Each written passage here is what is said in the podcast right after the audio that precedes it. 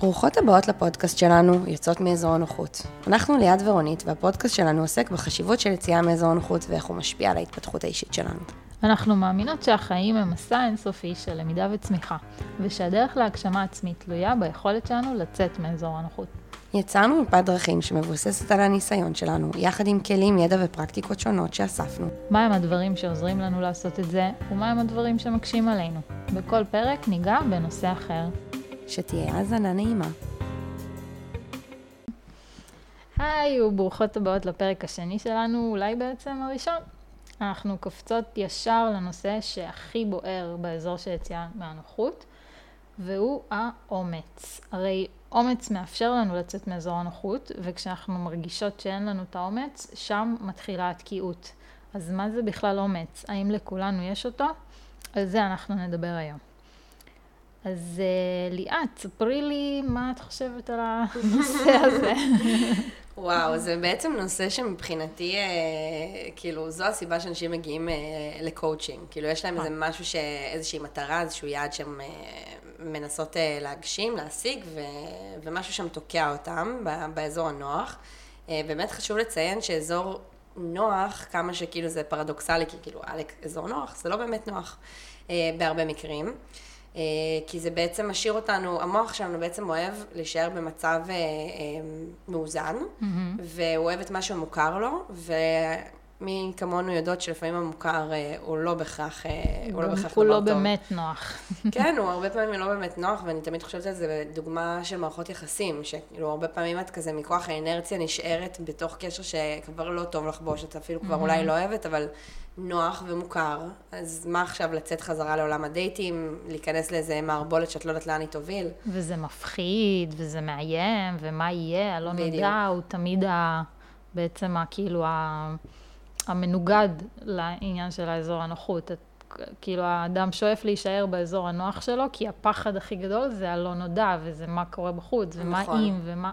אז וכל הדברים האלה. נכון, אנחנו גם נורא אוהבים ודאות, אני גם חושבת על זה בהקשר של הקורונה, נכון, כאילו ודאות. שזה התחיל, זה היה חרדת החרדות. נכון. כאילו, אם היו אומרים לך, תקשיבי, מתחיל במרץ 2020, נגמר עוד שנה, בסדר, נושמת עמוק ואומרת, בסדר, כמו, כמו את זוכרת בצבא, שיש לך כאילו למחוק את החודשים כן. עד, כאילו, עד השחרור, אבל ברגע שאת לא יודעת מתי זה נגמר, החוסר ודאות הזאת זה מה שמכניס אותנו הרבה פעמים לחרדה ולבאמת אי נוחות. אמ, והדרך להתגבר על אה, אי נוחות. היא זה... לצאת ממנה. בדיוק, ובעזרת אה, אומץ. היא לאגור אומץ, להיות בעוד קצת אי נוחות. נכון. כנראה קצת או הרבה, אבל בסוף זה ישתלם בעצם. נכון. זה מה שכאילו צריך אותה. אה, לקחת את ה... לעזור את האומץ, לעשות את הקפיצה, לקחת את הסיכון, לעשות את הדבר הזה, ו... ואז זה יהיה בעצם שווה. נכון, שם אנחנו בעצם מתפתחים, כשאנחנו יוצאים מאזור נוחות, שם בעצם קורית ההתפתחות, הגדילה. אה, והאמת, אה, זאת שאלה כזאת, אם מה, לכולם יש אומץ? כי mm-hmm. אני הרבה פעמים חווה או מתאמנות, או, או גם אני בעצמי, שאני אומרת, וואי, אין לי אומץ לעשות את זה, זה איזשהו כזה, את יודעת, משפט שגור, אין לי אומץ. כן, הכי קל. אה, ולפי אדלר, שהוא היה אחד מהתלמידים של, של פרויד, הוא בעצם אומר שכן, כולנו נולדנו עם אומץ. אבל מה שבאמת באמת קורה להרבה מאיתנו זה שעם השנים אנחנו מאבדות אותו.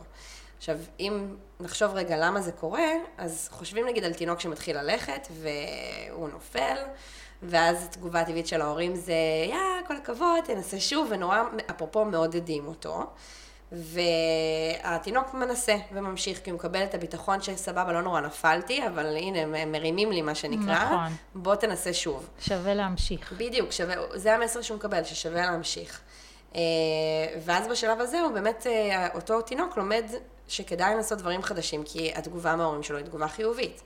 אבל אז רוצי כמה שנים קדימה, מה קורה איפשהו סביב גיל 4-5, פתאום הילד מנסה באמת לעשות איזה משהו חדש, נניח מנסה לעזור לאימא ואבא ולפנות לבד את הכלים לכיור, אבל בטעות, את יודעת, הוא מפיל את הצלחת, היא נשברת, ואז הרבה פעמים התגובה לזה oh, זה, no. למה הרמת את זה, מי ביקש ממך, תראה מה no, קרה no. עכשיו, הוא פתאום בדיוק, זה כאילו, זה השלבים שהוא מתחיל לקבל את, ה, את הביקורות השליליות, נקרא לזה, על זה שהוא ניסה לעשות משהו שהוא חדש בשבילו. אמ, והתגובה השלילית הזאת מתחילה באמת לערער את הביטחון של, של אותו ילד, ועד אותו שלב מעודדים אותו לעשות דברים חדשים, ועכשיו הוא מקבל את המסר שאתה שומע, אתה מנסה משהו חדש ואתה מפשל, זה רע. ואסור לטעות. ואז משם מתחיל, אנחנו מתחילים לאבד את האומץ שלנו, כי אולי זה לא יצליח, ואם זה לא יצליח אז אולי אה, יעשו לנו את הנו-נו-נו הזה, ינזפו בנו. והנזיפה הזאת גורמת לתחושה של אובדן ערך. אז נדפקנו מגיל צעיר. בדיוק, הכל מתחיל בילדות. הכל מתחיל בילדות, זה כבר אה, משהו שכולנו יודעים. אה, ובעצם אה, אדלר מדבר על תחושת שייכות, שזה משהו שמניע אותנו, שכולנו רוצים בסוף להרגיש שייכים, כולנו רוצים להרגיש חלק. וכשיש לנו איזשהו פחד מאובדן שייכות, זה מה שמוביל לאובדן של אומץ. אז גם הפחד לעשות טעות למשל, או להיכשל, זה מכניס הרבה פעמים אנשים למצב של הימנעות, שאני אומרת, כאילו, עדיף לי לא לנסות בכלל, mm-hmm. כי אחר כך יבקרו אותי, כי אחר כך אני אגיד על עצמי איזה גרועה אני, איך לא הצלחתי, מה יגידו, כל, כל הקולות האלה מתחילים. ואז תהיי שונה מהקבוצה בעצם. בדיוק, אני כאילו, כן. אני, אני אראה את החולשה הזאת שפישלתי. זה ממש מזכיר לי ששמעתי בפודקאסט אחר, כמובן, את, ה, את ההסבר האבולוציונלי של העניין הזה, אבולוציוני, לא משנה, כן. הבנתם? הישן של פעם, של האדם הקדמון, שלמה יש כזה צורך בלהיות שייך ולהיות כמו כולם והכל התנהגות העדר הזאת, mm-hmm. כי פעם כשהאדם הקדמון היה בשבט, אם אחד היה אומר, רגע, לא, בוא לא נלך לצוד היום, בוא נעשה משהו אחר, זה יכל לאיים על כל השבט ועל כל החיים שלו, ואולי לא היה לו מזון, אולי הוא היה גורם להם ללכת לאזור של אה, חיות טרף. נכון. ואז זה השתרש העניין הזה שעדיף להיות בקבוצה ועדיף להיות זהים ו- וללכת יחד עם הרצונות. עד הימים שלנו אנו, שפתאום כאילו להיכשל, לא להצליח, לא לעמוד בציפיות של החברה, הופך להיות אותו עניין של כאילו אומץ והופך להיות מה שמוריד ממך בעצם את היכולת האינדיבידואלית הזאת לא לחשוב מה אחרים אומרים. זה דרך אגב, מה שאמרת על האבולוציוני, זה גם נכון בהקשר הזה של להיות חלק מהקבוצה, וגם בהקשר של אם הוא בוחר לא להיות חלק מקבוצה, והוא mm-hmm. אומר, אני יוצא מאזור שבט, הוא יכול באמת להתערף כי הוא לא ב... זה מסוכן להיות לבד. בדיוק, זה מסוכן להיות לבד, זה מסוכן לעשות דברים, אה, מה שנקרא אני מאמין שלי, אני צריך ללכת לפי אני מאמין השבטי, נכון. נקרא לזה. וואו.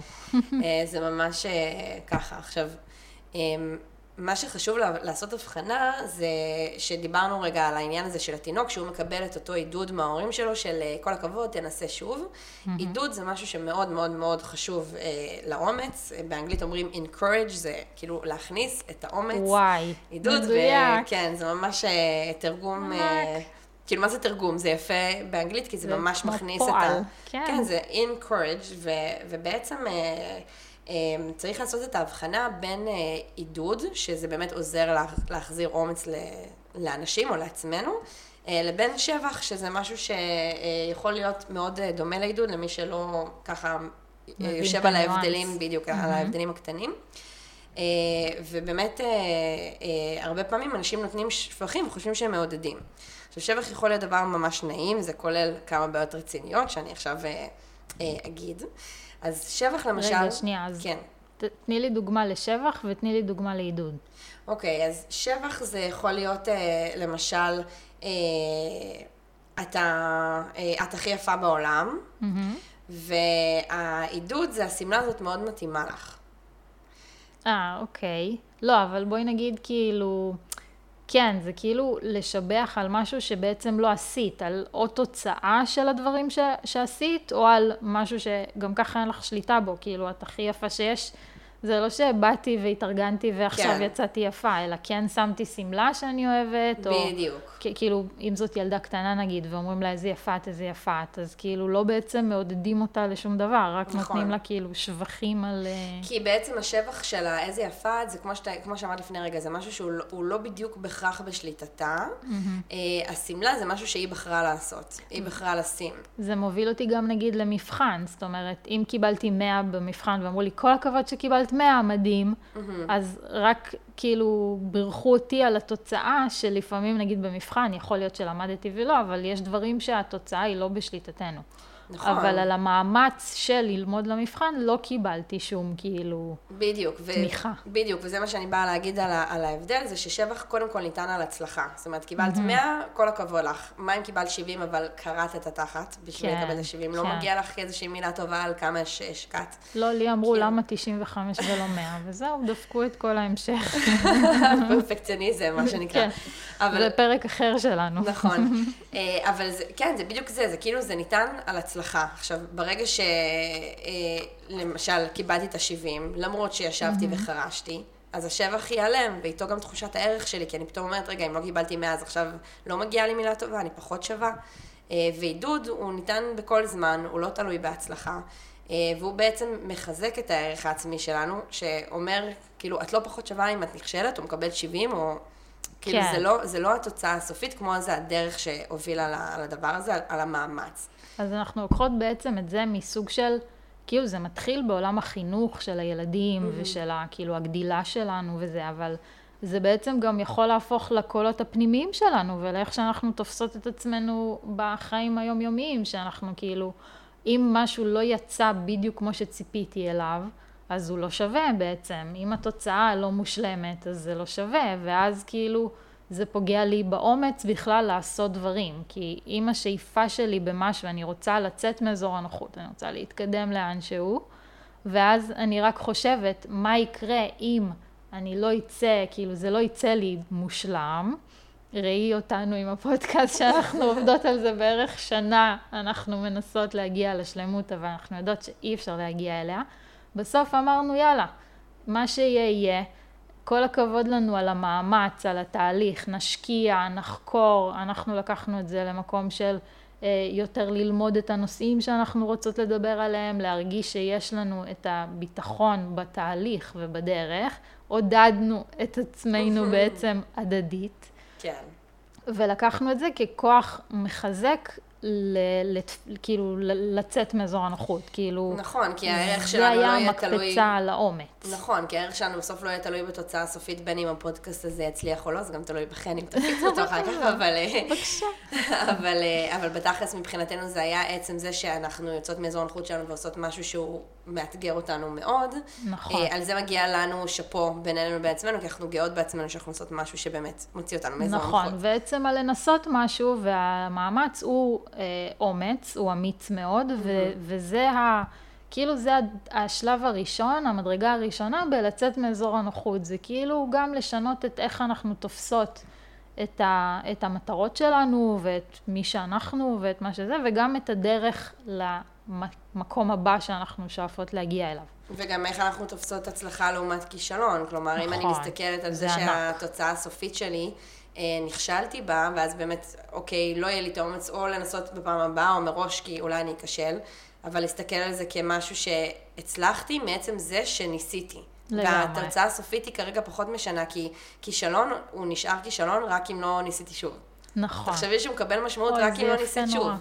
כן, אם, אם נכון. ניסית שוב, אז אולי נכשלת שוב, ואם ניסית שוב, אולי נכשלת שוב, אבל בסוף כנראה שבכוח ההתמדה והמוטיבציה והרצון, את כן תצליחי בסוף. ואז לכישלון שהיה אז, אין לו משמעות מלבד למידה. כן, זה, זה- כאילו ממש משנה את ההגדרה של הצלחה וכיש... וכישלון, כאילו, כי שוב, אם זה לא תלוי בתוצאה, ההצלחה והכישלון, אלא בעצם הפעולה עצמה, בעצם הניסיון, בעצם המאמץ, בעצם לקיחת הסיכון, האומץ, אז אנחנו יכולות לחיות בחיים שהם הרבה פחות כאילו אינטנסיבי בלהיות כאילו תמיד להצליח, תמיד לזה, לא להיכשל. מה קרה אם, לא, אם נכשלת? לא קרה כלום, נסי שוב. זה בעצם כאילו נכון. ניסיון. זה אחד הדברים שהכי עזרו לי בשנים האחרונות להתחיל באמת כאילו יותר לעשות דברים שאני מפחדת, יותר כאילו לצאת מאזור הנוחות, יותר לנסות דברים חדשים. זה זה שאמרתי, אז מה אם אני אכשל? כאילו, כישלון הוא לא, הוא לא רע. הוא לא המדד רק- גם לערך העצמי שלי. בדיוק, ובדיוק, וואו, בדיוק זה. את אגב לקחת את זה לקיצון אחד, שאמרת אה, שהרבה פעמים קורה שאנחנו יוש- יושבות בתוך המחשבות של עצמנו, שכזה טוב, אני, אני חייבת שזה יהיה פרפקט, ו- ואיך אני לא נכשלת, וכאילו זה, זה משהו אחד שיכול להיות לקיצון שאני כן אנסה, אבל קצת דומה למה שדיברת על הפודקאסט, שאנחנו כבר שנה כאילו כן עובדות על זה, אבל אנחנו מנסות להגיע לאיזו שלמות שרציונלית אנחנו מבינות שלא קיימת. ומצד שני זה יכול להוביל לקיצון השני, שזה ההימנעות של למה לי לנסות בכלל, גם ככה כנראה אני אכשל, או גם ככה יש סיכוי שאני אכשל. נכון. ואז פשוט לעמוד במקום ולהישאר באזור הנוחות, שדיברנו על זה שהוא לאו דווקא נוח, והוא זה בטוח לא מקדם. ה-backlash של כן. לגמרי. אמ, גם על זה נדבר, נכון, ש- כי זה נכון. נושא מאוד חשוב, דחיינות והימנעות. אמ, ואם נחזור שנייה באמת לה- להבדלים בין שבח לעידוד, אז, אז שבח הוא משהו שהוא הוא ניתן מלמעלה, מאיזה סמכות, אה, לא יודעת מה, המורה אמרה לך כל הכבוד, אבא שלך אמר לך כל הכבוד, זה מישהו. שכאילו, כן, שכביכול מעלייך, זה יכול להיות גם הבוס שלך, שזה, את יודעת, כן. אה, בגילנו לצורך העניין, אבל יש לך איזשהו מנהל שכאילו הוא הסמכות מעלייך, והוא אומר לך, עשית עבודה טובה או לא עשית עבודה טובה. אה, ועידוד זה ניתן בגובה העיניים, שוב, הוא מתייחס באמת לתהליך, הוא מתייחס גם להווה ולעתיד, כי אני רוצה לעודד אותך להמשיך בדבר הזה שאת עושה. אה, שבח מתייחס לעבר, שוב, לתוצאה של מה שכבר היה. כן, והוא באמת מעורר איזושהי חרדה שבח, כי אם אני לא אצליח שוב, יכול להיות שאני לא אקבל את המילים הטובות.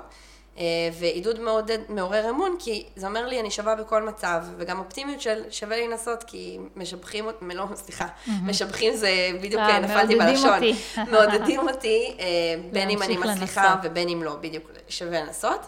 אה, שבח מפתח תמריצים מבחוץ, כי אחרים קובעים לי מה אני שווה, אם הצלחתי או לא, שעידוד זה מפתח לי את האמון בעצמי, וכמו שאמרנו, אנחנו גאות בעצמנו על הפודקאסט הזה, כן, לא משנה לא מה אתם, משנה תגיד, מה. מה אתם תגידו אחר כך, אנחנו גאות בעצמנו, זה הכי זה חשוב. כאילו משפיע בכל המישורים. במישורים של אנחנו מול האנשים שבחוץ, אם אנחנו מנהלות אנשים למשל, או מגדלים ילדים, אז חשוב לראות איך אנחנו באמת נותנים להם עידוד ולא משבחים רק את התוצאה.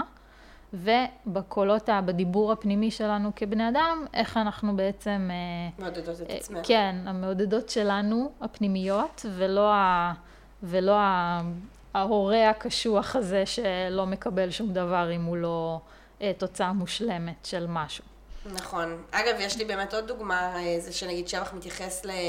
לנגיד, את מדהימה, והעידוד זה, אני אגיד לך, את ממש עזרת לי. כאילו, התוצאה הסופית מבחינתי בראש שלי זה את מדהימה כי עזרת לי, אבל כשאני אומרת לך, "את רק- את רק מדהימה, זה שוב, זה איזשהו כזה זה תואר. נחמד גם בני, בין בני אנשים, בין חברות, כאילו... כן, אבל לבוא ולהגיד לך, ממש אני עזרת לי, אוהבת לקבל כאילו את מדהימה.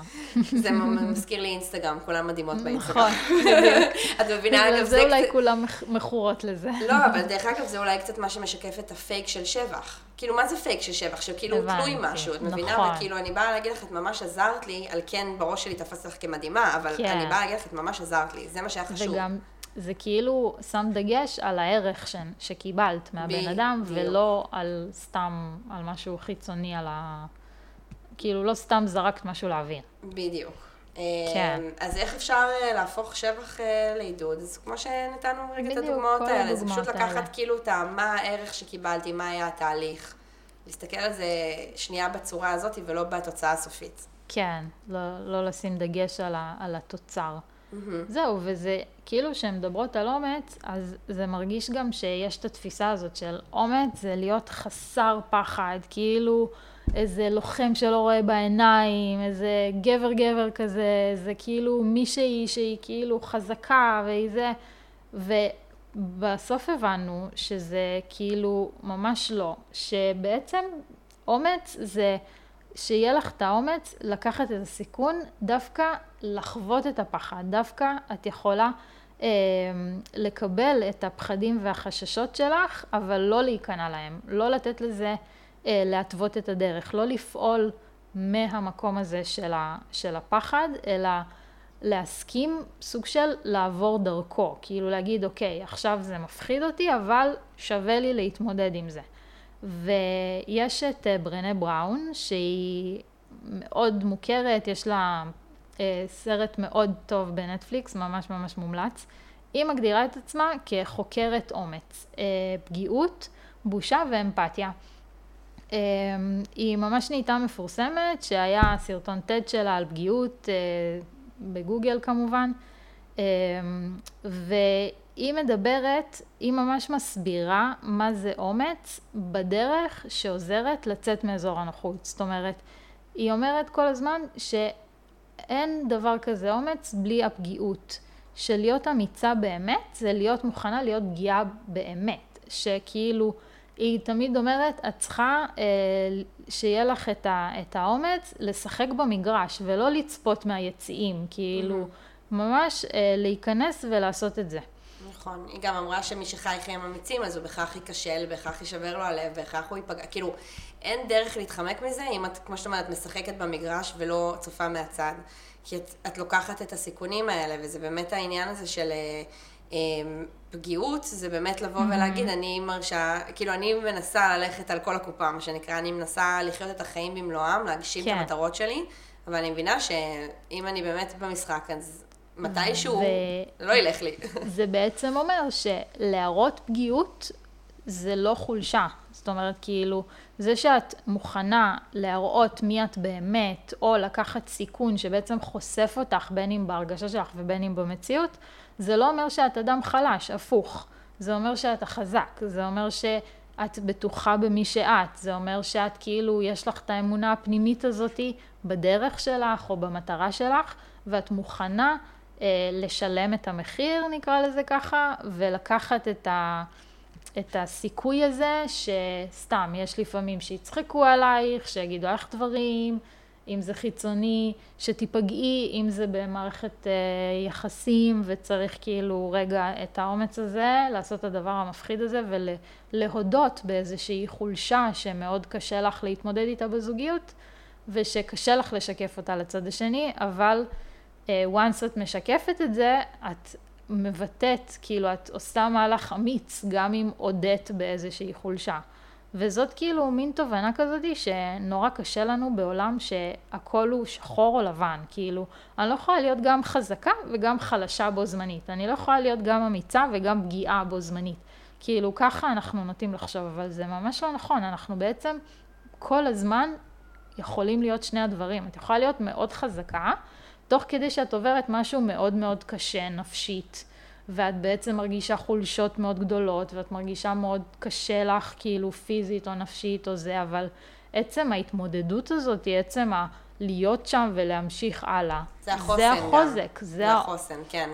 בדיוק, וכל פעם שמנסים את ה, את ה... כאילו שאת אומרת לעצמך, אוקיי, אני רוצה לצאת מפה למקום אחר, אני רוצה להתקדם הלאה, ויש לי את האומץ לעשות את זה, ואז זה קורה, וראיתי שכל הפחדים האלה לרוב לא מתגשמים, ובעצם יש לי איזושהי תחושה של יצאתי מאזור הנוחות, התקדמתי הלאה למטרות שלי, הצלחתי ל- לעשות את זה. אזור את האומץ לעשות את זה. אז אני מחזיקה, מרגישה עוד יותר ביטחון בעצמי, ואז אני מצליחה להמשיך ולהתקדם. זה הכדור שכאילו...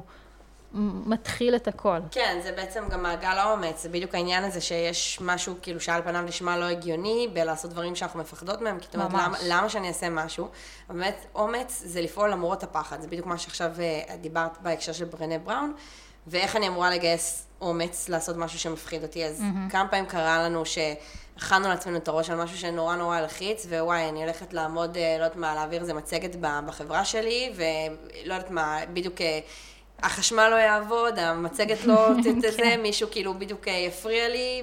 מה יגידו? בדיוק, יש לנו מלא מלא זה, והרבה פעמים זה בראש שלנו, כל הפחדים האלו, ואז בסוף אנחנו עושות את זה, ואנחנו מגלות שאוקיי, כאילו, האדמה לא בלעה אותנו, הכל היה בסדר, זה לא היה נכון. כזה דרמטי, וגם אם קרה באמת אחד הדברים האלה, התמודדנו איתם בזמן אמת, וזה גם מה שמחזק אותנו, דווקא המכשולים הקטנים האלה בדרך, שכאילו, אני רואה נכון, יש את כל המימים האלה שעוברים תמיד באינסטגרם וכל הזה, וראיתי משהו על זה שכאילו שרדנו 100% מהימים הכי קשים שלנו, משהו כזה. ויש בזה משהו נכון. נורא מעודד, כשחושבים על זה, כן. כי כאילו, כן, יש ימים חרא, יש ימים קשים. אבל אנחנו עדיין פה, אז כנראה שכאילו, כן. כמה שלנו קשה, הצלחנו להתמודד עם זה. לפעמים אני רואה את זה בצורה ממש פטליסטית, ותסלחו לי, אבל זה כאילו משנים של ניסיון עם, אה, עם בעיות אה, בריאותיות שהביאו אותי לסיטואציות מאוד מאוד מפחידות. שכאילו, יש בסוף שתי אופציות. או שאני עוברת את זה, שורדת את זה, התגברתי על משהו סופר מפחיד, על חוויית אה, אה, סף מוות, או whatever זה יכול להיות, או שלא, או שמתתי וזהו נגמר, וגם ככה אין לי מה לעשות לגבי זה, וגם ככה אני לא אדע שזה קרה בכל מקרה. אז כאילו בסופו של דבר, מה יש לנו? בסוף אנחנו נשרוד. ועדיף כאילו לבוא מהזווית הזאת של אני מאמינה שאני אשרוד את זה ולחוות את זה בצורה של איזשהו אה, מהלך אנרגטי יחסית חיובי עד כמה שאפשר, עם אמונה עצמית, עם אומץ, עם פגיעות, עם כל מה שדיברנו עכשיו, ולא לחוות את החיים האלה, שגם ככה הם יביאו לנו את המצבים הקשים האלה ואת הסיטואציות המאוד אה, לא צפויות ולא בשליטתנו וכל העולמות המפחידים האלה, ולא להיות ב... בחוויה הזאת של חרדה, של אימה, של הכל קורה לי, של למה זה קרה, של כל הדברים האלה, ולהפוך את ה...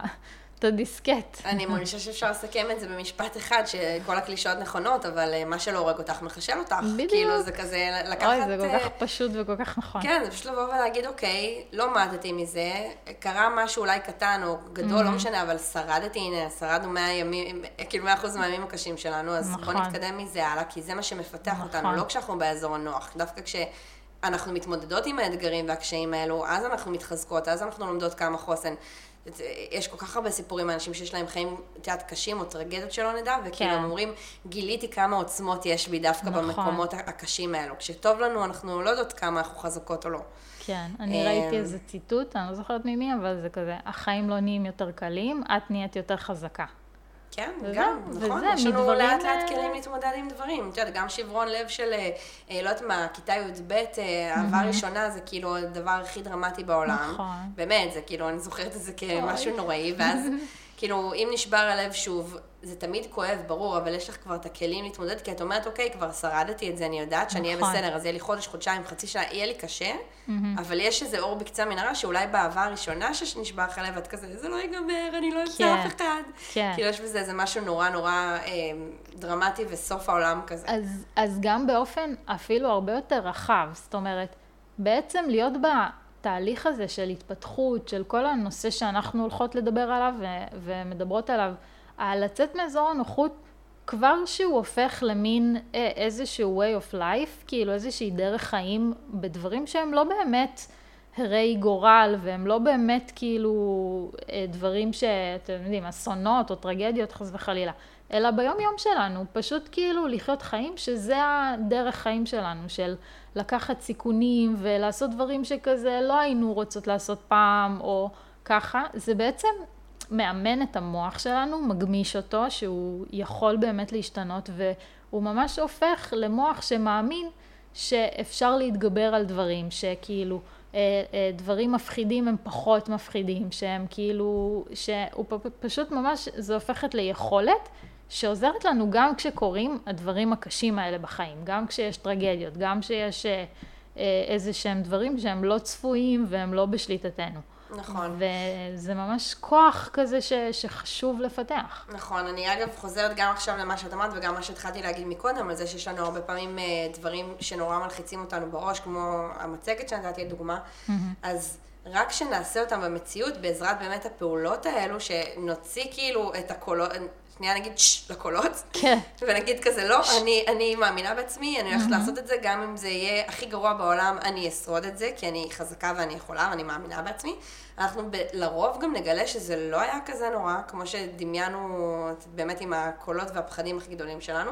והמקום הזה, זה מה שבונה את האומץ. עצם זה שכמו שדיברנו על זה שאני מנסה לעשות משהו, התוצאה הסופית כרגע היא לא רלוונטית. עצם זה ש... הייתי אמיצה מספיק, עשיתי משהו שאתגר אותי, שהיה לי קשה, שאמרתי חמש שנים אחורה, אין מצב בחיים שאני מקליטה נגיד פודקאסט, והיום את עושה את זה. זה מה שבונה לך את האומץ, זה החזרתיות של מעגל, הפעולות. מעגל האומץ, כמו מעגל שקראת האומץ. לו, שזה כן. כאילו לעשות משהו, לקבל תחושת הצלחה מה... מעצם העשייה, לא מה... מעצם העשייה, בדיוק, כן. לא מהתוצאה, מעצם מעצם העשייה. הניסיון לעשות אותו, בדיוק. ואז להבין שכל הפחדים בעצם לא, לא מתגשמים לרוב, או שגם אם הם מתגשמים, שרדנו את זה. שרדת, וזה בדיוק. קטן עלייך, ואז יש לך עוד יותר אומץ לעשות את הדבר הבא בתור, וזה כאילו אה, מחזק את עצמו בדרך. ואת האמונה העצמית, בעצם זה מה ש... כמו שאמרת, נכון, מגביר את האומץ. וחוזר חלילה, זה פשוט מעגל כזה, צריך לעשות פעולות.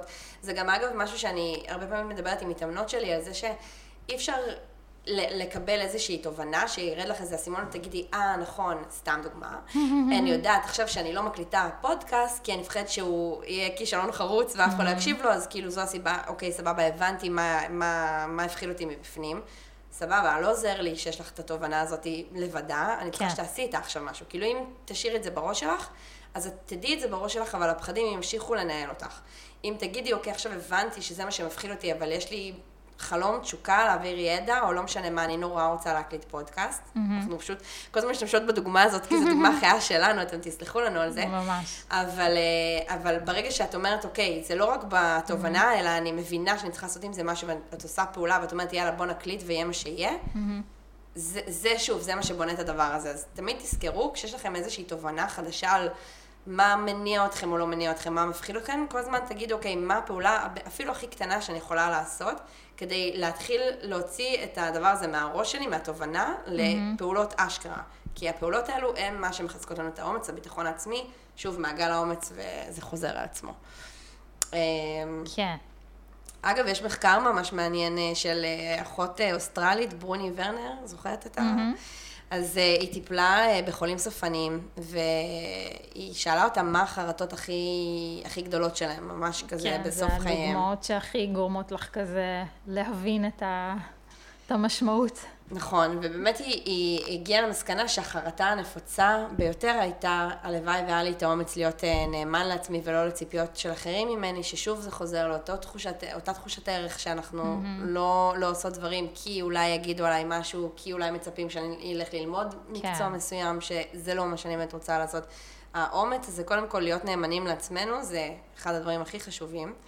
אה, וגם יש אחריו היה הלוואי והיה לי את האומץ לבטא את הרגשות שלי, אה, הלוואי והייתי נותן לעצמי יותר מאושר, זה חוזר, זה חוזר באמת על המקום הזה של, של להיות נאמנים לעצמנו, ו, וחלק, שוב, מאומץ זה הנאמנות של המטרות שלי, של החלומות שלי, של השאיפות שלי, mm-hmm. של הפעולות שמפתחות אותי, ופחות מה יקרה בחוץ, מה יגידו עליי, כן, מה יצא מזה. כן, עם האמונה העצמית. בדיוק. בדרך שלך. נכון. נכון. נכון. זה ממש חזק. טוב, אז אה, נראה לי...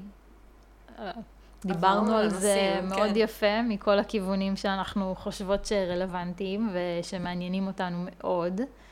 אמ, ובואי נעשה סיכום קטן, ובסוף גם יש לנו איזה תרגיל כזה למי שרוצה להתאמן קצת עם עצמה ו, ולעשות... אמ, כזה איזשהו בירור עצמי כזה עם הדברים יציאה האלה. יציאה קטנה מאזור הנוחות. כן, כזה שיעורי בית יש לכם בסוף כל פרק, סתם אנחנו לא מבטיחות, אבל uh, יש תרגילים שאספנו שאנחנו אוהבות ואנחנו נשלב אותם מדי פעם כדי באמת... Uh, להוציא גם איזשהו משהו כאילו תכלסי שאפשר אפרופו, לעשות. אפרופו, לא רק תובנה שאולי שמעתם את הפודקאסט ואמרתם, נכון, לא נכון, מסכימה, מתחברת, באמת, אפרופו מה שאמרתי לפני רגע על מעגל כן. האומץ והפעולות, אז הנה קחו לכם גם פעולה אה, בסוף כדי שזה לא יישאר רק ברמת התובנה, אלא גם עשינו עם כן. זה משהו. זה, זה נחמד, זה, זה האני מאמין שלנו. כן. טוב, אז התחלנו עם uh, כל העולם של אדלר וילדות ושבח ועידוד וכל ההבדלים ביניהם. כן, דיברנו קצת באמת על העניין הזה של מה גורם לנו לאבד את, ה, את האומץ, איך זה מתחיל עוד מגיל קטן, שוב, דיברנו על זה שכל הסרטות שלנו מתחילות אי שם, אה, ההורים אשמים והכל, סתם. אה, אז זה מתחיל מגיל קטן, ומה בעצם גורם לנו לאבד את האומץ, ומה אה, יכול לגרום לנו לקבל אותו חזרה, ואז באמת הדגשנו מה, מה זה עידוד ומה זה שבח, ולמה שבח דווקא הוא לא עוזר לאומץ, אבל עידוד דווקא כן, כי הוא נותן דגש על התהליך, על הערך, על ה... ולא על התוצאה הסופית. כן. אה, דיברת גם על אה, ברנה בראון, וההקשר... אהובתי. כן. של הפגיעות ושל בעצם להיות אמיץ, זה לא נוגד את העניין הזה של לחשוף את הפגיעות שלך ו- ולהיות uh, מוכנה בעצם להיחשף או לקחת את הסיכונים האלה שהם uh, יכולים להיות, uh, להרגיש מאוד מאוד פגיעים וחשופים ונורא אישיים או משהו כזה, ו- וזה בעצם אומר שאומץ הוא ה- היכולת... להרשות לעצמנו להיות להרשות פגיעות. להרשות לעצמנו להיות פגיעות, בדיוק. כן, ודיברנו על מעגל האומץ, שדיברנו ממש mm-hmm. לאחרונה, על העניין הזה של מה שגורם לנו, מה שמעלה לנו את הביטחון העצמי, את הערך העצמי, את האומץ, זה לעשות את הפעולות. כן. אפרופו יציאה מאזור הנוחות. אה, ו- וזהו, עכשיו אה, בא לנו כזה שתחשבו עם עצמכם, מה. מה הדברים באמת הקטנים אפילו שהייתן רוצות לעשות ואתן לא עושות כי אתן מספרות לעצמכן את הסיפור המוכר של אין לי אומץ לעשות את זה. לשים מטרות קטנות, קצת מאזור הנוחות, זה לא חייב להיות משהו גרנדיוזי, באמת לא. הכי קטן שיש, וכל פעם לנסות את זה, ובאמת לא לשכוח שהמטרה היא לא התוצאה הסופית, אלא עצם הניסיון, זה מה שיחזק לכם את האומץ הביטחון העצמי, זה מה שיגרום לכם, לכן להיות גאות בעצמכם, על זה נכון. שלא ויתרתם לעצמכם. אמ, ויש אה, איזשהו תרגיל קטן אה, וחמוד, אה, שבא לי להציע, אם אה, משהו מלחיץ אתכן וגורר אתכן לתוך מחשבות אה, מעכבות של אני לא אצליח ויהיה לי קשה ומה יגידו וכל הפחדים האלו, אז אה, תעשו תרגיל, תצ... תכתבו לכם בשלוש עמודות, והעמודה הראשונה בעצם, אה, אתן כותבות את כל הפחדים למה לא לעשות את הדבר הזה שאתן רוצות. בואו, סליחה, נתחיל אחורה, קודם אתן כותבות את המטרה. כל זה לפני שאני בכלל עושה משהו. נכון, זה נכון. כדי כאילו להתארגן עם עצמי. להתארגן עם עצמי, בדיוק, כזה בדיוק, לעשות להרגיש איזה את ה... סדר במוח, סליחה. כן, לעשות סדר במוח, בדיוק. אז כן. קודם כל תחשבו על איזושהי מטרה קטנה או גדולה, אם תלוי כל אחת, אה, מה שנקרא, בתהליך שלה, אבל נמליץ על מטרה קטנה קודם כל. ו- ו- ומן הסתם, אם עדיין לא עשיתן אותה, כנראה שיש לכם באמת איזה עניין של אומץ, איזה קושי לצאת מאזור כן. הנוחות. אז אחרי שאתן מחליטות על מטרה קטנה, בעמודה הראשונה אתן כותבות את כל הפחדים, כל אותם קולות בראש אומרים לכם למה כן, למה לא, למה זה לא יצליח, באמת, הדברים גם הקטנים וגם הגדולים. בעמודה השנייה, אה, תכתבו מה אתן יכולות לעשות כדי למנוע או למזער את הסיכון שזה יקרה. אז אה, בואו שנייה ניתן דוגמה אה, להמחיש את זה. לי יש, אני פשוט בן אדם שמאוד רוצה יום אחד אה, לעמוד מול אה, קהל ו- ולדבר. אה, זה מבחינתי יציאה מאוד גדולה מאזור הנוחות, זה לא דוגמה למשהו קטן, אבל זה פשוט קל יותר להמחיש על דוגמה אמיתית. אז הפחדים באמת זה, אולי יהיה לי blackout במהלך, ה, נקרא לזה כן. ההרצאה שלי, אולי אנשים יתעסקו בטלפון ואני ארגיש לא מעניינת, אולי אה, אנשים אה, לא יבואו, יהיה לי הקיץ של אביה, אולי אני אתבלבל, כל מיני דברים כאלה, זה, זה, זה מה שמלחיץ אותי סביב הדבר הזה.